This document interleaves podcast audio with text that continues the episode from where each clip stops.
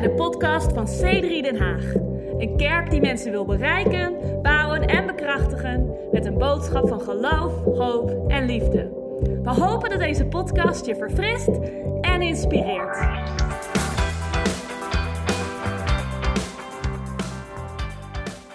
En dus ik wil beginnen te lezen uit 2 Korinthe 10, vers 3 tot en met 5. So I want to start by reading 2 Corinthians verse, uh, chapter 10, verse 3 to 5. Ik heb, ik heb ze hier op, op, eh, op de iPad. Er staat, "Uh, want al wandelen wij in het vlees, wij voeren geen strijd naar het vlees. De wapens van onze strijd zijn immers niet vleeselijk, maar krachtig door God tot afbraak van bolwerken. For though we walk in the flesh, we do not war according to the flesh. For the weapons of our warfare are not carnal, but mighty in God for pulling down strongholds, Wat. Casting down arguments and every high thing. Ja. En wat zijn dan die bolwerken? And what are those strongholds? Want wij breken valse redeneringen af van elke hoogte die zich verheft tegen de kennis van God. Because we cast down arguments and every high thing that exalts itself against the knowledge of God, En wij nemen elke gedachte gevangen om die te brengen tot de gehoorzaamheid aan Christus. bringing every thought into captivity. Dit is wat Paulus eh, spreekt, niet alleen maar over zijn eigen leven, So God is not just speaking about his own life. Uh, Paul is not just Paulus. speaking about his own life. maar Paulus spreekt dit over zijn apostolische gaven van leiderschap. Hij zegt dat ieder argument wat zichzelf verheft tegen de kennis van God. But Paul is speaking about his own apostolic leadership. He's saying every high thing that exalts itself against Christ, Wij nemen ze gevangen. we take them into captive. Maar Paulus zegt, we vechten niet tegen vlees en bloed. Paul says we doesn't we don't fight against flesh and blood. We, we, we, we, we vechten niet op fysieke manieren. We don't fight in physical We ways. vechten niet met mensen. We don't just fight with We people. hebben geen tegenstanders in ons midden. We don't have enemies with uh, with us. Maar we vechten op een geestelijke manier. But we fight in a spiritual En way. dan spreekt hij over ons denken. And then he talks about our Dan thoughts. spreekt hij over het denken in de kerk. He talks about our thoughts in Dan church. spreekt hij over valse redeneringen. He talks about false reasonings. En eh, met dat bemoedigende woord gaan we vanochtend beginnen. Is er iemand And with enthousiast that encouraging word, we're going to start. Anyone Uh, excited? Maar, maar laat me je dit zeggen. Let me say this. Dat er zijn valse redeneringen. There are false reasonings. En de, en, en, en de, de Bijbel, Paulus onderwijst ons om ehm, te corrigeren eh, wat een onjuiste manier van denken is. And the Bible and Paul, he encourages us to correct uh, incorrect thinking. Maar, en ik ga hier wat meer op in, maar de meeste valse redeneringen, voordat je denkt dat dit een negatieve boodschap wordt, And I'm going to talk about this a bit more, but most of the false reasonings, before you think it's going to be a negative zijn, zijn message, vals omdat ze ons op een valse manier proberen klein te houden. they're incorrect because in a wrong way they try to keep us small.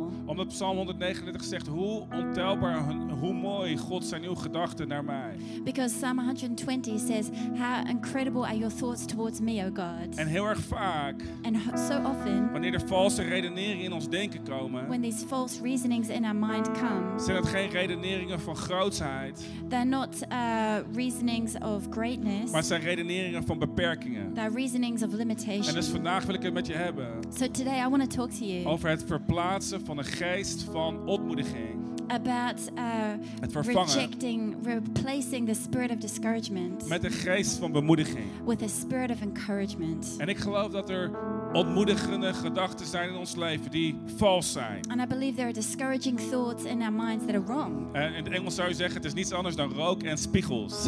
In English, you'd say it's, oh, it's all smoke and mirrors. Het is, het is puur een façade. It's just a facade. En dit is hoe onze tegenstander werkt, mensen. And this is how our enemy works. Petrus zegt, ons, onze vijand, de duivel, loopt rond als een brullende leeuw. Peter says our enemy, the devil, walks around like a roaring lion, Hij is op zoek, luister hier naar, hij is op zoek naar degene die hij kan verslinden. looking for who he can devour. Wat mij vertelt dat de, de vijand redelijk hopeloos is. Which tells me that he's pretty hopeless. De reden waarom de vijand aan het brullen is in je leven, The reason why the lion is roaring in your life is omdat hij geen substantie heeft, omdat hij geen tanden heeft om te bijten. is Kom op, because he man. doesn't have any substance, he doesn't have any teeth to bite. Dus hoe de vijand werkt, So how the enemy works is door valse redeneringen. is through false reasoning, Is door valse, ehm, eh, een valse façade. through a false facade Om ons te Facade. ontmoedigen. to discourage us, Letterlijk om je te kleineren. to literally keep you Om je small, te beschuldigen. to uh, blame you. En hier en vandaag And here and now, maken we bekend we are making knowing dat wij niet onbekend zijn that we are not unknown, met de strategieën that we are not ignorant of the strategies van de vijand. of the enemy. Kan ik een enthousiast amen horen Can I get an enthusiastic amen? Kom op, we gaan zaken doen met God We're to do some business with God. Want ik geloof dat er, dat er, oké, anyway, laten we bidden. Anyway, okay, let's pray. Vader God, Father God, we danken u we thank you in de naam van Jezus. in the name of Jesus. Heer, dat hier vandaag Here today, mensen zijn people die bemoediging nodig hebben. here who need We danken dat er mensen zijn hier vandaag die zullen zeggen: Ik was hier niet alleen maar voor een religieuze oefening in religie. There are people here who will say, I wasn't just here for a religious practice, Maar dit was een woord van but leven. this was actually a word of Voor mij life. persoonlijk. For me Heer God, we personally. geloven God, we dat uw woord levend that is. your word is Heer, dat alive. uw woord nog steeds twee, eh, eh, een tweezijdig zwaard is, wat kan onderscheiden wat van onze geest is en van onze ziel. That your word is like a two-edged sword that separates from spirit and soul. En ik dank Heer, dat u helpt in ons leven om te onderscheiden. And thank you, you help us to discern Wat in u our wil lives zeggen. what you want to say Tegen uw kerk vanochtend. in the church this morning. Amen. Thanks, man. Amen. Amazing. All right. Dus ehm, ik hou ervan dat de Bijbel ehm, niet alleen maar een verhaal is van abstracte waarheden. I love the fact that the Bible isn't just um, like a, a collection of stories about abstract truth. Veel, veel religies, veel religieuze boeken zijn dat. A lot of religious books are like that. Maar de Bijbel is in feite een verhaal. But the Bible is actually a story. En wat ik het mooie vind is dat in het Oude Testament dat we zien dat God niet alleen maar een God is van onderwijs, maar dat God een storyteller is. And what I love is that when we look into the Old Testament, we don't just see that God is a teacher, but is actually a storyteller. En, en de, de waarde van de verhalen in de Bijbel, misschien heb je die verhalen wel eens gelezen en denk je, wat kan ik daarmee? And the worth of these stories, maybe you've read them before and you think, hey, what can I do with this? Maar de, de, een van de waarden daarvan is om ons ehm, te helpen om een beeld te vormen, zodat de waarheid van God niet alleen maar abstract is, maar concreet en toepasbaar wordt. But one of the values of these stories is that they help us to get a picture so that uh, the, the stories are not just uh, Abstract, but so become not just specific. abstract but Ja, specific. ik yeah. zou ik mezelf kunnen vertalen, maar doet Nicola niet goed vanochtend? I could translate myself, but isn't it En well? we zijn vanochtend een team, baby. Yeah, we're a team. So, uh, yeah, high five. Oké, uh, Nicola, Nicola denkt van, oh man.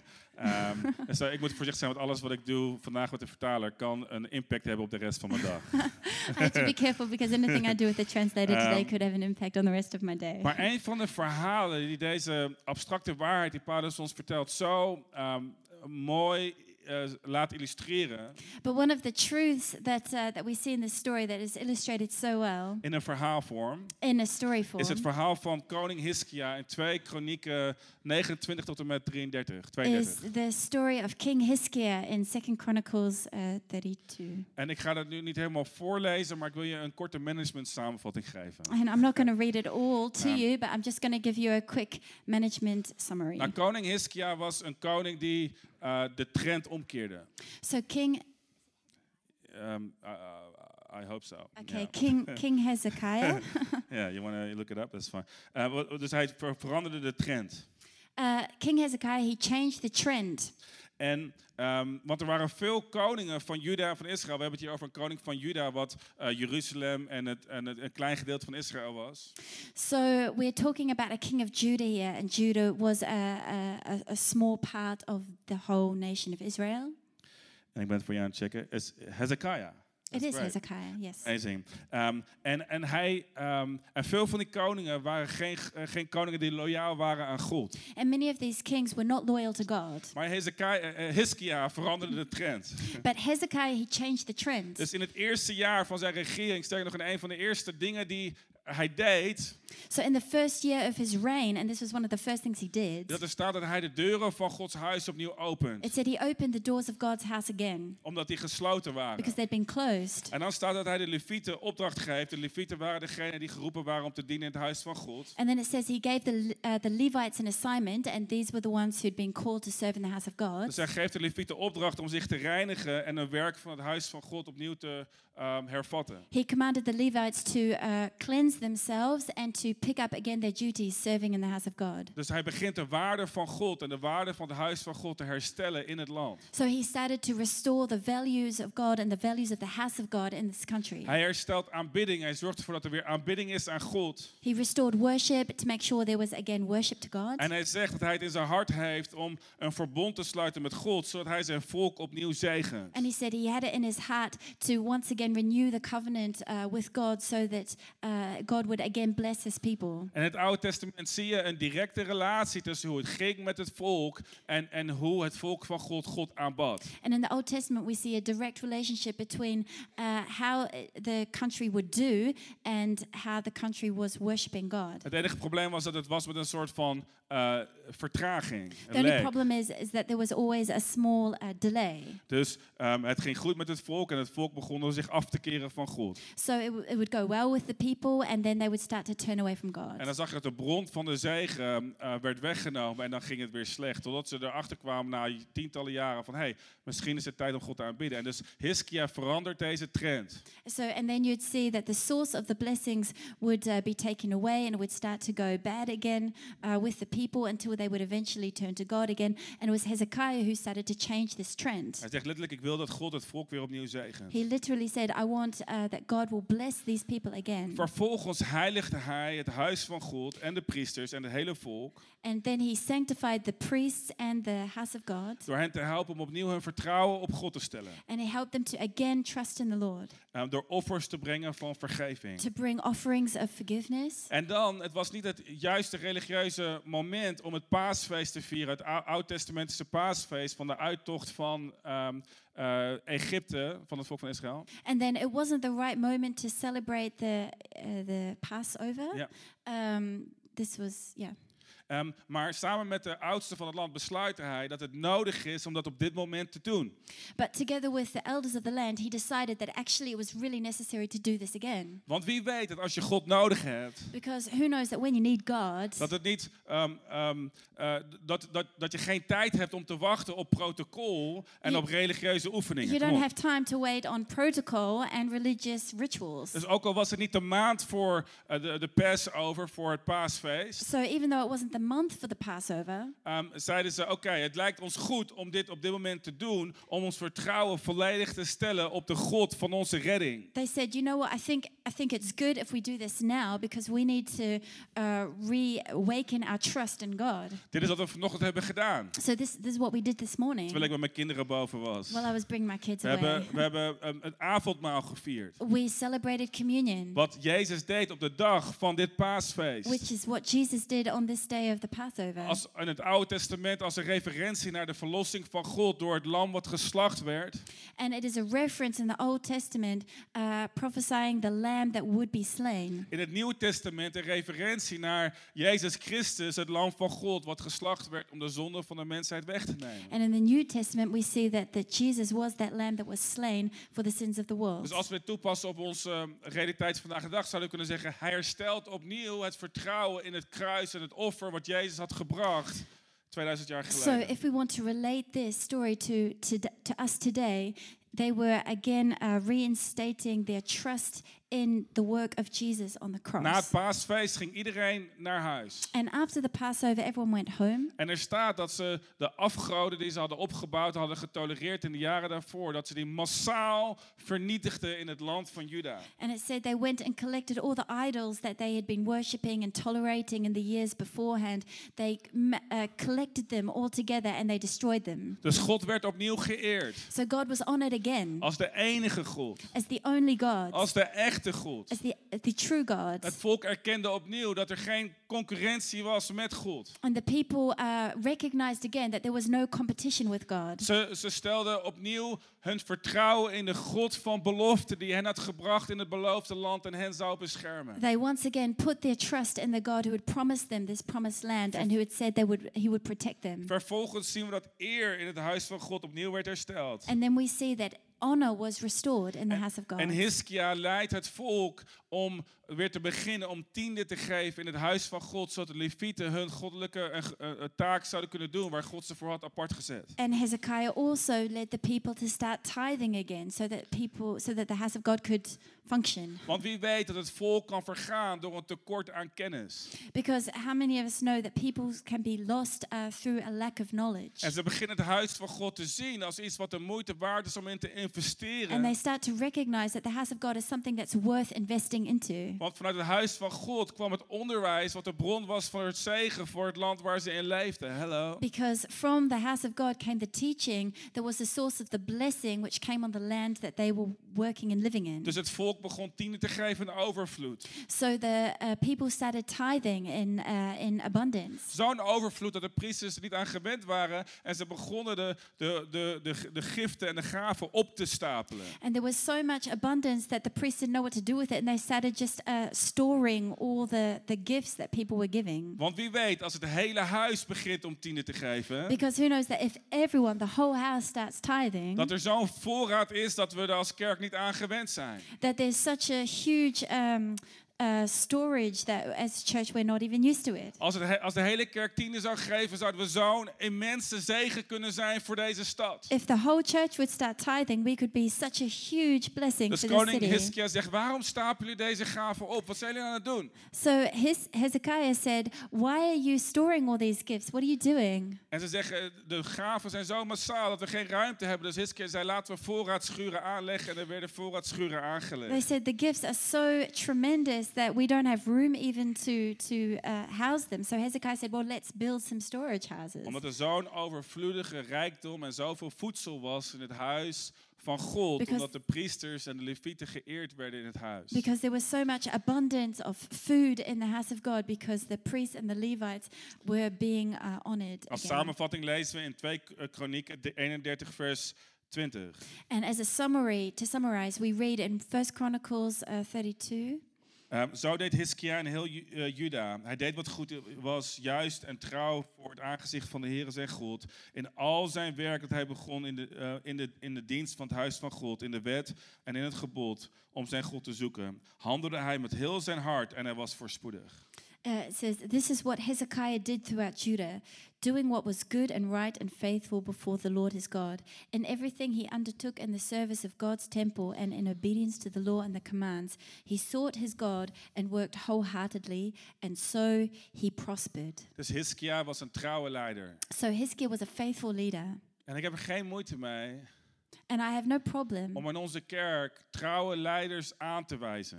to uh, um, uh, appoint faithful leaders Om in hier our om me heen te wijzen, zodat je overal waar ik naartoe zou kunnen wijzen, zou ik trouwe vrijwilligers kunnen ehm, aanwijzen. Met ieder een eigen verhaal. And here in this church, where, wherever I point, I could point out faithful volunteers, everyone with their own story. Ik heb er geen moeite mee als ik terugkijk over de afgelopen zes jaar. En als je hier langer dan een jaar bent, om te zeggen: ehm, dit zijn mensen die getrouw zijn geweest in de, in de, in de dienst van God. And I have no problem if I look back at the last six Right? years of this church to look around and, and see, hey, these are faithful people that have served in the house of God. Is er iemand hier in het huis die zegt: hey, ik, ik, ik ken mensen die getrouw zijn? Is there anyone here who say, yeah? I know some faithful van people jullie here zijn in hier mensen ik ken, ik ken leiders in het huis die getrouw zijn en doen wat God is en wat goed is. Other people saying, yeah, I know leaders here in this church who are faithful and honest to do what God En to dus- do God's work. Hiskia was een goede, getrouwe, integere leider. So Hezekiah was a good, faithful uh,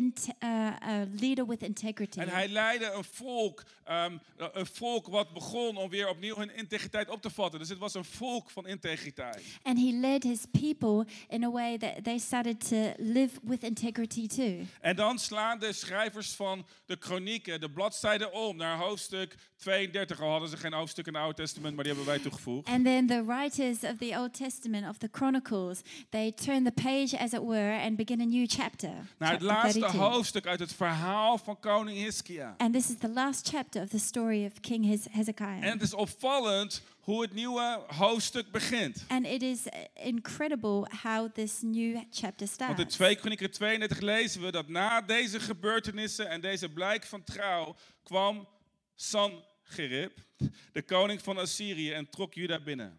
Because this is what we read. Uh, after these deeds of faithfulness. Sennacherib, king of Assyria, came and entered Judah. He encamped against the fortified cities. En hij sloeg zijn kamp op bij de versterkte steden en dacht ze voor zich over te breken, open te breken. Toen Hiskia zag dat Sancherib, of hoe je dat uitspreekt, kwam en hij zijn zinnen zette op de strijd tegen Jeruzalem. So, thinking to win them over to himself, and when Hezekiah saw that Sennacherib had come and that his purpose was to make war against Jerusalem, Zo dus pleegde hij overleg met de vorsten en dan nam hij actie. so he uh, took counsel with, uh, with Now- his counselors. We komen aan op het onderwerp van vanochtend. So now we get to the subject for this morning. Is er iemand wakker vanochtend? Anyone awake? Luister, Listen, het is zo opvallend. it's so noticeable, De- also De, de, de vorm, de stijlvorm van deze zin. the style of this sentence. Want we lezen, dit deed Hiskia. Hij was rechtvaardig, hij, het volk was integer. So we read, this is what Hiskia was. En he was righteous. His en- people were, uh, uh, had integrity. En dan neemt de schrijver de moeite om te zeggen, na deze gebeurtenissen en deze blijk van trouw. And the writer says, after these events and after this show of faithfulness, Hij maakt het zo specifiek, omdat hij wil dat als wij het vandaag lezen, we begrijpen dat dit gebeurde met een goede koning en een trouwe koning en een goed volk die zich rechtstreeks bevonden in de wil van God. he makes it so specific so that we today can read it and understand that we are talking here about a good king who is doing the will of God. Precies op dat, precies na dat moment, na, Right after that moment, na het moment van, go- van goede dienstbaarheid en aanbidding naar God. after that moment of faithful service to God, Precies op dat moment kwam de Assyrische koning right at that moment, this Assyrian king came om het volk van God aan te vallen. to attack the people of God. Laat me zeggen, tegenstand komt niet altijd ondanks, maar, dank, som, maar vaak dankzij de zegen van God op ons leven. Let me say this resistance does not always come uh, because of uh, faithfulness to God, but sometimes in spite of. Oh, not, in not, spite of, but because not of. always yeah. in spite of faithfulness to God, but sometimes because of faithfulness to God. En dit is belangrijk om je van bewust te zijn. And this is so important to be aware of this Want, want zo vaak because so often hebben we de neiging a- als, als mensen, of misschien als, als je hier vandaag zit als een volgeling van Jezus. we tend to think if you're sitting here as a follower of Christ, Om te denken dat als er tegenstand komt, dat we ons op het verkeerde pad bevinden. we think if problems come, it's because we're on the wrong path. Maar de, schrijver van de, de schrijvers van de kronieken laten ons weten, na deze blijk van vertrouwen, was er een aanval van de machtigste koning op aarde. But the writers of the Chronicles make it really clear to us that after all these faithful deeds, that's when the attack came. Dit was geen random gebeurtenis. It wasn't random. Dit was niet ondanks, It wasn't in spite maar of. dit was een kausaal verband. It was actually, there was a connection. Er was, een, er was een verband tussen de trouw van Hiskia en zijn volk, en de aanbidding aan hun God en de aanval van deze goddeloze koning. There was a connection between the faithfulness and the worship of the people and the attack of this king. En luister, dit is de reden And listen, this is the reason waarom het zo essentieel is als, als, als christenen. why it's so important as Christians Om te realiseren dat ons gevecht niet een gevecht is met vlees en bloed. is to realize that our fight isn't a fight with flesh and blood. Om te realiseren dat ons gevecht niet een fysiek gevecht is. That to realize that our fight isn't a physical fight, Maar dat ons gevecht een geestelijke strijd but is. it's a spiritual battle. Om, dat- om te realiseren dat het logisch is. That it's logical. Dat als we iets kostbaars aan het bouwen zijn, That if we're building something precious, dat er intimidatie komt. that intimidation will Dat er come, komt. that discouragement Dat will er, er come, stemmen komen. that voices will come, Die ons proberen af te laten wijken van de richting waar we op gaan. that try to distract us from the route that we're on. Want hoe dichterbij we komen bij het kamp van de vijand, Because the closer we get to the, the enemy's side, hoe sterker het gevoel van duisternis zal zijn. who stronger the sense of darkness will be. Maar mijn Bijbel vertelt me, mijn Jezus vertelt me, But my Bible, my Jesus tells me dat hij zegt, ik zal het huis van God bouwen en de poorten van het dodenrijk zullen haar niet overweldigen. He says, I will build my church and the gates of hell will not prevail against her. Hij spreekt over de poorten van het dodenrijk. He talks about the gates of hell. We nemen als we in een aanval zitten geen poorten met ons mee. You know, it says we don't uh, take the gates with us when we attack. Want veel mensen lezen dat als een soort van defensieve statement. Uh, people read it in a sort of a defensive way. Oh, God, eh, God beschermt zijn kerk. We zullen overleven. Er is een toekomst voor de kerk, mensen. God will protect our church. We will survive. There is a future for church. Als we onreinheid buiten het kamp houden, zonde buiten het kamp houden, dan wellicht is er een kans dat we overleven, dat Jezus ons beschermt. As long as we keep sin out of the camp, maybe there's a chance we will survive if God wills. Laten we de brug omhoog halen, de poorten sluiten, en laten we de, de defensielinie sluiten en laten we met elkaar de vijand buiten houden. Let's haul up the drawbridge and close the doors and close the, the walls and keep the enemy out. Maar nee, nee, nee, de poorten van het dodenrijk betekenen dat wij in een aanval zijn. No, but the gates of hell, that means that we are in the attack. En dan, en dan lezen we de reactie van Hiskia. And then we read the response of Hezekiah. Zo, toen dit gebeurde, pleegde hij overleg met zijn voorsten en helde of zij de waterbronnen die buiten de stad waren dicht zouden stoppen. En ze hielpen hem, want er werd veel volk bijeengeroepen. Dat al de bronnen dicht stopten, evenals de beek die in het midden van het land stroomde. En ze zeiden, waarom zou de koning van Assyrië komen met en veel water vinden? Ja. Yeah. Um, okay, then he consulted with his leaders and commanders to stop the water from the springs which were outside the city, and they helped him. Thus, many people gathered together who stopped all the springs in the brook that ran through the land, saying, Why should the kings of Assyria come and find much water? Oké, en hier wordt het interessant. And this is where it gets interesting. Het was wel interessant. it was already Maar, interesting. maar, maar hier wordt de tekst zo prikkelend. yeah, here it's so fascinating. Omdat we hier zo'n verband gaan zien met, met, met 2 Korinthe hoofdstuk, ehm, eh, ho- hoofdstuk eh, sorry, 2 Korinthe hoofdstuk 10. Because we're going to see such a strong connection between this and 2 Corinthians Er 10. staat in het Nederlands, staat er hier zo mooi. En hij, Hiskia, vatte de moed op en bouwde heel de muur op waarin bressen geslagen waren. And here it says, uh, and he strengthened himself and built up all the wall that was broken. De Engelse vertaling zegt, hij versterkte zichzelf. The English translation says he strengthened himself. De Nederlandse vertaling zegt, hij vatte de moed op.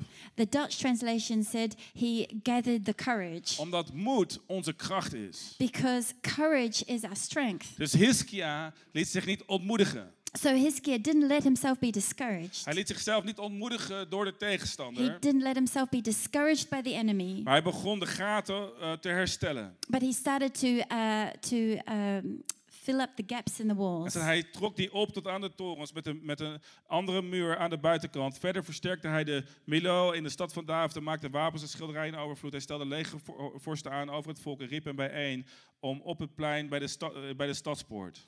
He said he raised it up to the towers, built weapons and shields in abundance. Uh, and he built also, he repaired the, the Milo in the city of David and made weapons and shields in abundance. Then he set military captains over the people, gathered them together to the open square of the city gate. En toen hielden ze een, een kerkdienst. And then they had a church service. Ze kwamen bij elkaar. They got together. Want wie weet dat het belangrijk is wanneer we ontmoedigd zijn om bij elkaar te komen. Because who knows, when you're discouraged, it's important to get together. Wie weet dat de zondagen dat je ontmoedigd bent, dat het tijd is om de moed op te vatten en te zeggen, weet je wat, we komen samen bij elkaar te horen wat God tegen ons wil zeggen. Kom op who knows, it's the Sundays that you feel Ja. discouraged that it's time to gather your courage, get together and say, I'm getting to church to hear what God is saying to me. En dan staat er, en de Engelse vertaling is ook weer interessant, en hij sprak naar hun hart. And he said he, he uh, gave them encouragement. Hij sprak naar hun hart in het Engels en hij bemoedigde hen. In Dutch, it says he spoke to their hearts. In English, it says he encouraged them. Zie, als, leider, als leiders is het goed, belangrijk om eerst bemoedigd te zijn voordat je andere mensen bemoedigt. See, as a leader, it's important to first be encouraged yourself before you encourage others. Maar vervolgens staat er, hij, hij, hij bemoedigde hen, hij sprak tot hun hart. But then it said he encouraged them, he spoke to their hearts. Dit is wat we vanochtend doen. En dit is hoe essentieel het is wat we hier aan het doen zijn. And this is what we're doing this morning. This is why it's so important what we're doing. Omdat er mensen zijn hier vandaag die ontmoedigd zijn. Maar we willen spreken vanuit Gods woord tot je hart. Because there are people here today and you're discouraged, and we want to speak to you, to your heart from En, God's en wat word. was de boodschap? And what was the message? Wees sterk. Be En moedig. strong and strong. Wees niet bevreesd en niet ontsteld. Be strong and courageous. Do not be afraid nor dismayed. Vanwege de koning van Assyrië en ook niet vanwege heel de troepenmacht die met hem is. Want luister hier naar. Want met ons is er meer dan met hem. Met hem is de vleeselijke arm. Met ons is de Heer onze God. Ik zal hem afmaken. eh, om ons te helpen onze oorlogen te voeren. En het volk steunde op de woorden van Hiskia, de koning van Juda. Wow. Be strong and courageous. Do not be afraid nor dismayed before the king of Assyria, nor before all the multitude that is with him. For there are more with us than with him. With him is an arm of flesh, but with us is the Lord our God to help us and fight our battles. And the people were strengthened by the words of Hezekiah, the king of Judah. Dit is vrijwel dezelfde boodschap die we in onze Nederlandse dienst drie weken geleden, in onze Engelse dienst twee weken geleden spraken. This is almost the same message as what we spoke in our Dutch service three weeks ago and our English service two weeks ago. Want, hij- want, hij, want hij zei, met, er zijn meer met ons It says there's more with us dan die met de vijand zijn. than those against us. Hij sprak moed. He spoke hope. En, en hij sprak tot het hart van zijn volk. He spoke to the heart of his people. En hij zei, wees sterk en wees moedig. He said, Be strong, be courageous, Geef de moed niet op. don't give up, Want zij die met ons zijn, because he who is with us zijn meer dan zij die tegen ons zijn. is more than, than is greater than those who are against En us. luister naar wat hij letterlijk zegt. And listen to what he says literally. Met hen is de arm van het He vlees. said, But they have an arm of flesh. Met hen is de fysieke arm, de, de troepenmacht. He says, They have the physical arm, they have the power of the troops. Misschien ziet het eruit als enorme tegenstand. Maybe it looks like incredible resistance. Maar als je ogen opent, But if you open your als je eyes, geestelijke ogen opent, if you open your spiritual eyes, zul je zien you will see dat we niet vechten met vlees en met bloed. that we're not just fighting with flesh and blood. Dat we niet vechten met onze fysieke We're omstandigheden. not just fighting with our physical Dat we niet circumstances. vechten met onze baas op ons werk. We're not just fighting with our boss at our Dat we niet work. alleen maar vechten met onze We're gezondheid. not just fighting with our Dat health. we niet alleen maar vechten met onze financiële saldo's. We're not just fighting with our financial bank statement- Dat we alleen maar, niet alleen maar statements. vechten met de dingen die we statistisch kunnen meten in ons We're leven. not just fighting with the things that we can measure statistically in our Maar er lives. is een mate van geestelijke invloed. But there is a level of spiritual En influence. zoals we deze, deze serie hebben gezegd, we hebben ze zeggen zo vaak, soms zijn er fysieke oorzaken. And as we've said so often in this series, sometimes there are physical causes, Maar er zijn ook geestelijke but there are oorzaken. also spiritual causes. En in dit geval was het een rechtstreekse aanval. And in this case, it was a direct attack. En dan zien we dat de, de aanval And we see that this attack ehm, plaatsvond op een hele ehm, logische manier. Misschien it took place in a really logical way. Een hele, een hele rationele manier. Want wat doet de Assyrische koning? Because in a really rational way. Because what did the Assyrian king do? We gaan iets verder in het verhaal. We're going on to the story a little more. In vers 18, daar staat, zij riepen met stem in het Judees tegen het volk van Jeruzalem dat, de, dat op de stadmuur stond. En om het bang te maken en schrik aan te jagen, zodat zij de stad zouden kunnen innemen. It said they called out with a loud voice in Hebrew to the people of Jerusalem who were on the wall to frighten them and trouble them, that they might take the city. En And they luister, spoke against the God of en, en Jerusalem. luister hiernaar. En zij spraken over de God van Jeruzalem als over de goden van de volken van de aarde, een werk van mensenhanden. And they spoke against the God of Jerusalem as against the gods of the people of the earth, the work of men's hands. Ik hou daarvan omdat er staat, omdat er staat ze, spra ze spraken over God alsof hij slechts één was van de, de andere collectie van goden. De andere dingen waar we in kunnen vertrouwen. And I love this. They spoke about their God as if he was just another one of the people we couldn't trust. Omdat de schrijvers van de kronieken heel duidelijk zagen. As the writers of the Chronicles saw so clearly Toen ze de kronieken, de geschiedenis van het land opnamen en opschreven. when they were writing down the history of the country Dat God niet zomaar één van de goden was. that God wasn't just one of the other gods, Maar dat God letterlijk de allerhoogste that is. God was literally the Dat hij de highest. almachtige He is. was the Almighty, Dat er niemand is als hem. that there's no one like him. En de aanval die plaatsvond was niet alleen maar een aanval tegen de mensen. And the attack that was taking place was not just attack on the people, Maar dit was een aanval naar God. it was an attack on God. En God neemt een aanval op ons leven persoonlijk op. And God takes attacks on our lives personally. En dan, en dan, en dan zien we dit.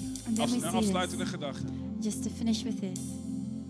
Dat ze spraken in de taal van het volk van Juda. And they spoke in the language of Judah. Weet je wat mij opvalt als het gaat om ontmoediging? You know what I notice? Uh, if it's if we're talking about discouragement, Als het gaat om ontmoediging is er nooit vertaling nodig. if we're talking about discouragement, you never need translation. Als het gaat om ontmoediging spreekt het altijd onze taal en raakt het altijd ons hart direct. You know, discouragement it always speaks our language. It always gets to our heart. Ken je dat gevoel van ontmoediging? You know that feeling of discouragement, Wat je raakt in je, in je gut, where it just gets you in your heart, waarvan je, waarvan je merkt, oeh, and you notice, oh, waarvan je die, wow, het wordt je donker vanochtend. maar waar- waar- waar- waarvan je merkt dat je, je, je voelt ontmoediging. and you feel discouraged. Omdat ontmoediging is niet alleen maar een, een leuke, een, een, een aardige geformuleerde boodschap. Because discouragement is not just a nicely formulated message. Ontmoediging is een geest. Uh, Discouragement is a spirit. Heel erg vaak is ontmoediging een geestelijke And oorzaak. often discouragement has a spiritual uh, source. Toen ik het aan het voorbereiden was, moest ik over nadenken. And while I was preparing this, I had to think Dat, ehm, dat de duivel eerder een naam had wat Lucifer is. That the devil used to have a name, Lucifer. En Lucifer betekent de lichtbrenger. Hé, hey, daar is het licht weer. And Lucifer means the lights. Oh, look, there's the De, de, lichtbrenger of de lichtdrager. De light bearer, The, de light light bearer. En vervolgens zien we dat na de val van Lucifer, And then we see after the fall of Lucifer dat hij genoemd wordt Satan. that then he is called Satan. En Satan betekent de vijand And Satan means the enemy. of betekent de beschuldiger. Can also mean Nou. the accuser. Wat ik niet denk dat plaatsvond What I don't think that happened na de val van Lucifer, after the fall of is Lucifer dat Lucifer en zijn donkere engelen met elkaar een brainstorm sessie deden. is that Lucifer and his dark angels had a brainstorm En session. zeiden, "Mhm, wel, we hebben een nieuwe naam nodig voor Lucifer, want Lucifer is niet langer licht. Wat zullen we bedenken? And said, oh, well, we need a new name for Lucifer. What can we come up with? Het begint een beetje Lion King-achtig te worden en dat er een paar hyena's zaten en zeiden, Starting to get a little bit Lion King. like the hyenas. Satan. I know, Satan. Satan is een geweldige titel. Satan is a wonderful Zie. title. Want de Bijbel zegt, see, the Bible says Satan komt als een engel Satan comes like an angel van licht. of light. In andere woorden, In other words, ontmoediging, discouragement, duistere gedachten spreken onze taal. Dark thoughts, they speak our language. En heel erg vaak herkennen we ze niet voor wat ze zijn. And we don't always recognize them for what they are. En we denken dat ze natuurlijk zijn en we denken dat ze logisch zijn. En soms beginnen we het er mee eens te zijn en we denken, ja tuurlijk. We think it's logical, we think it's natural, and sometimes we start to go, yes, of course. Want we kijken naar de tegenstand en we kijken naar de arm van het vlees. En we kijken naar hen die tegen ons zijn, zijn meer dan hen die, die met ons zijn. And because we look at the circumstances and we look at the arm of flesh and we look at all those that are against us, En we realiseren ons niet and we don't dat realize de beschuldiger that it's the accuser aan het werk is. is working. Maar laat me dit zeggen, ontmoediging spreekt jouw taal. But let me say this discouragement knows how to speak the Ontmoediging heeft een language. gevoel. Discouragement has a feeling. Maar als we kunnen luisteren naar het woord van de geest van God, if we can word of the voice of God, dan zullen we merken dat de geest van God spreekt onze taal. then we'll notice that the voice of God speaks our Op de language. dag van Pinksteren On the day of begonnen Pentecost, 120 mensen te spreken in andere talen. 120 people started to speak another language. En wat we lezen is dat ze spraken in het dialect van de mensen die om hen heen waren. En ze spraken over de wat? Over de wonderen en de daden van God. And what we read is they started to speak in the language and dialects of the people around them, and they spoke about the miracles and the Waarom? Omdat ze ontmoedigd werden in hun eigen dialect, in hun eigen gevoel, in hun eigen begrip, in hun eigen ervaring, in hun eigen cultuur. They were encouraged in their own language, in their own understanding, and their own uh, experience, Omdat ze daarin ontmoedigd waren. because they were discouraged. Gebruikte God de taal van, van, en het gevoel van mensen. En hij gaf een visioen en hij gaf een beelden. En hij zei, in jullie taal, in jullie dialect spreek ik woorden van bemoediging. So God used uh, their own language, and He gave them a feeling and an experience, and He said, "I'm going to speak encouragement in your language." Bedankt voor het luisteren naar deze podcast. Wil je er op zondagochtend ook een keer bij zijn? Je bent van harte welkom. Ga voor meer informatie naar c3denhaag.nl